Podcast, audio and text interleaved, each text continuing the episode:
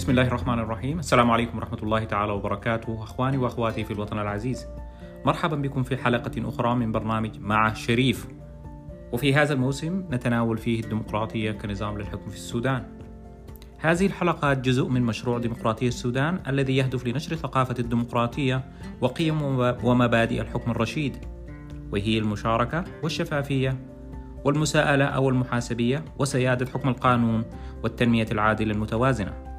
هذا المشروع جزء من رؤية سودان 2050 التي تهدف لبناء لبناء سودان القرن الحادي والعشرين.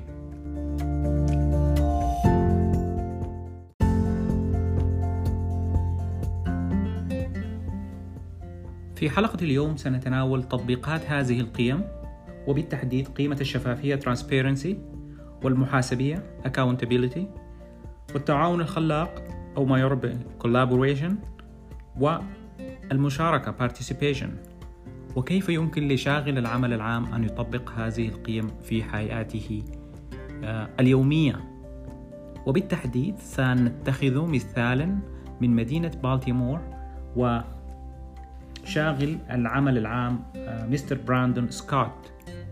سنشاهد معه كيف يطبق هذه القيم في حياته العامة.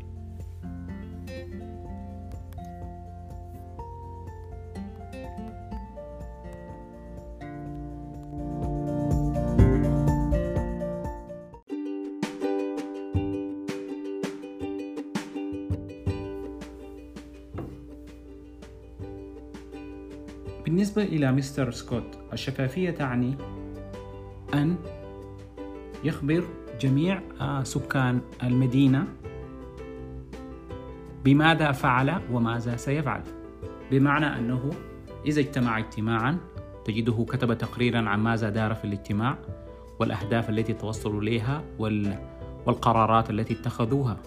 وإذا زار منطقة فهو يكتب تقريرا صحفيا أو في ال social media عن ماذا فعل وما هي الخطوات القادمة. بالإضافة إلى أنه نشط في ال social media وفي الإعلام وكذلك له موقع إلكتروني website ينشر فيه جدول نشاطاته بالإضافة إلى نشاطات مجلس المدينة. وبالتالي يكون طبق قيمة الشفافية. بمعنى أن الشفافية تكشف لنا ماذا يفعل ذلك المسؤول في حياته في في في حياته وعمله اليومي. فإذا وجدت مسؤولا ليست له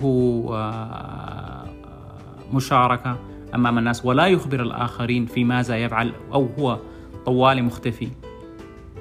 ولا يظهر في الإعلام ولا ينطق عن ماذا يفعل فذلك خلل كبير في فهم هذا المسؤول لمبدأ الشفافية والترانسبيرنسي. من المهم جدا أن يشارك المسؤول المواطنين في ماذا يفعل وماذا يخطط له في مقبل الأيام.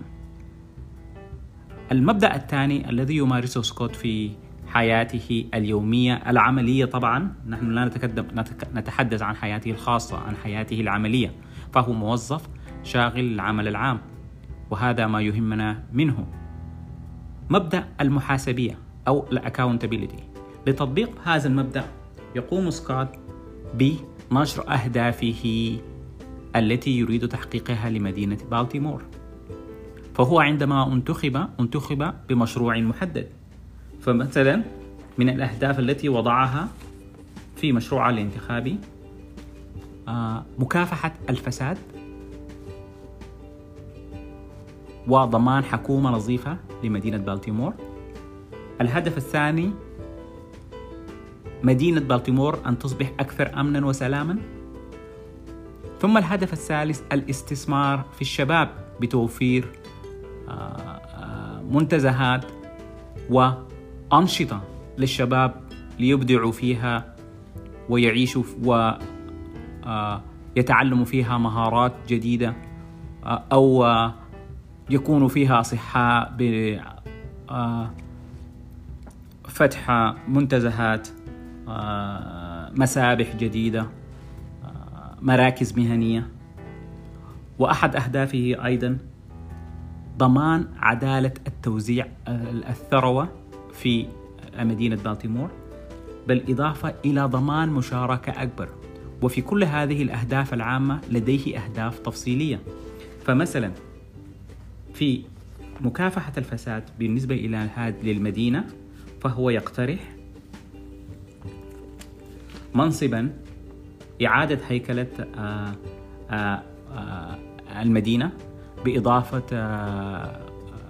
مساعد عمدة المدينة مساعد لعمدة المدينة لأنه يرى أن وظيفة مساعدة عمدة المدينة توفر وقتا وزمانا لعمدة المدينة للتوفر لتحديات المدينة. وهذا المنصب الجديد سيكون وظيفته الأولى ضمان كفاءة الأجهزة آه، المدينة الأخرى. وبالتالي يقسم العمل بدل يكون كل العمل واللود على على العمدة. جزء من العمل يمشي إلى هذا الشخص الذي يكون مسؤولا عن كفاءة الإدارات الموجودة في المدينة. وأحد الأهداف الثانية مراجعة آه، ميثاق المدينة أو دستور المدينة آه، كتابته وإضافة بند مراجعة الدستور كل عشر سنوات لأن العالم متغير فأنت تحتاج إلى تغيير الدستور أو إضافة أشياء في الدستور كل عشر سنوات. وهكذا. فهذه الأهداف التي يضعها تكون مقياسا لأدائه في كل عام ففي كل عام المواطنين أو عندما يأتي الدورة الانتخابية ينظر المواطنون لما في ماذا حقق سكوت في أهدافه التي وضعها هل تمت إعادة هيكلة المدينة بالشكل المطلوب؟ هل آه تم تحقيق آه آه مشاركة أكبر كما وعد؟ هل تمت إضافة هذا البند في الدستور؟ وهكذا. على على نطاق الولايات المتحدة آه، نجد أمثلة لذلك. في الرئيس مثلا باراك أوباما آه، طرح إصلاح النظام الصحي وبالتحديد طرح ما يعرف بأوباما كير وهو, وهو آه، مظلة تأمين صحي تسع.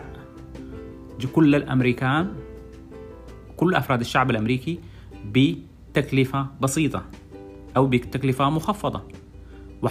وفعلا قدم ذلك المشروع ودفع به وتم تنفيذ المشروع وقد وجد المشروع إخفاقات ولكنه وجد أيضا قبولا واسعا من الشعب الأمريكي.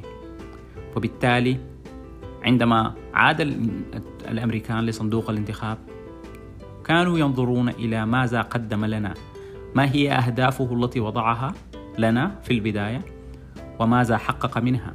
هل نجح في تحقيق أهدافه أم لم ينجح؟ وذلك جزء من اتخاذ القرار في إعادة انتخابه مرة أخرى. هذه هي التطبيقات المحاسبية. ما هي الأهداف التي تضعها؟ لأن تلك الأهداف تنفيذها هو هو ما سنحاكمك به وما نقيمك به عند نهاية الفترة.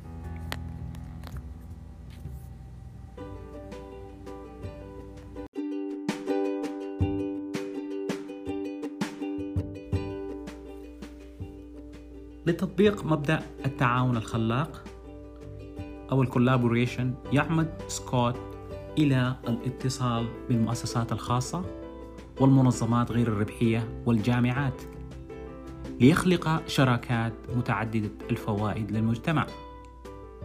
فمثلا قد يتصل بجامعة محددة في المدينة ويخلق معها شراكة لتقديم دراسات ومساعدات واستشارات لخدمة مناطق المناطق مناطق لخدمة المدينة أو لدراسة مشكلة محددة. وقد يخلق كذلك شراكة مع آه، جهاز المغتربين. المغتربين من تلك المدينة لتقديم خدمات لهم.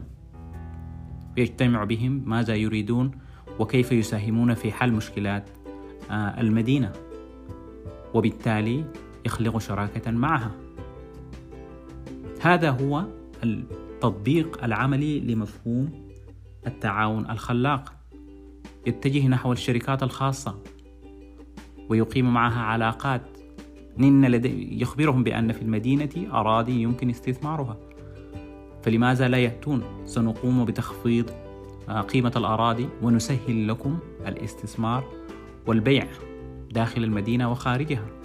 كل هذه الشراكات والتعاون بين آه، المدينة والمؤسسات الخاصة داخل الولاية داخل داخل الولاية وخارجها وعلاقات الدولية. كل ذلك من النشاطات التي يقوم بها لتطبيق مبدأ التعاون الخلاق أو ال collaboration أما في مبدأ المشاركة ال participation يقوم سكوت بمشاركة السكان في طرح القضايا وطرح الحلول. فهو لد فلديه جدول آه، سنوي. مثلا في شهر يناير سيقوم بزيارة المنطقة الفيلا X وفي شهر فبراير سيقوم بزيارة المنطقة Y وفي النصف الثاني من شهر مارس سيقوم بزيارة أهل المنطقة آه، Z. وهكذا هو يزورهم ويتحدث معهم ويشاورهم ويطلب الحلول منهم ويطلب الدعم منهم وبالتالي يحقق الرضاء المجتمعي وكذلك مشاركة المجتمع في حكم أنفسهم وذلك مبدأ من مبادئ الديمقراطية الأساسية.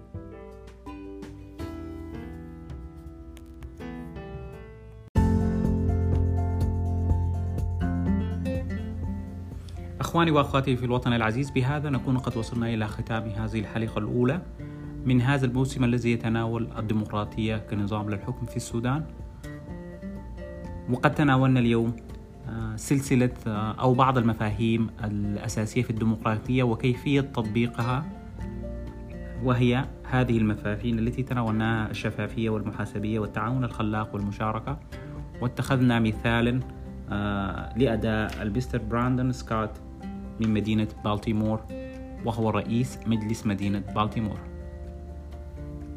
مع شريف حول الديمقراطية هو برنامج شهري يستعرض ويقدم مفاهيم ومواضيع مختلفة تتناول في هذا الموسم الديمقراطية ومفاهيمها. وقد نستضيف علماء وخبراء وسياسيين فتابعونا على ال social media والفيسبوك واليوتيوب. وراسلونا بأفكاركم ومقترحاتكم وشكرا لكم على حسن الاستماع.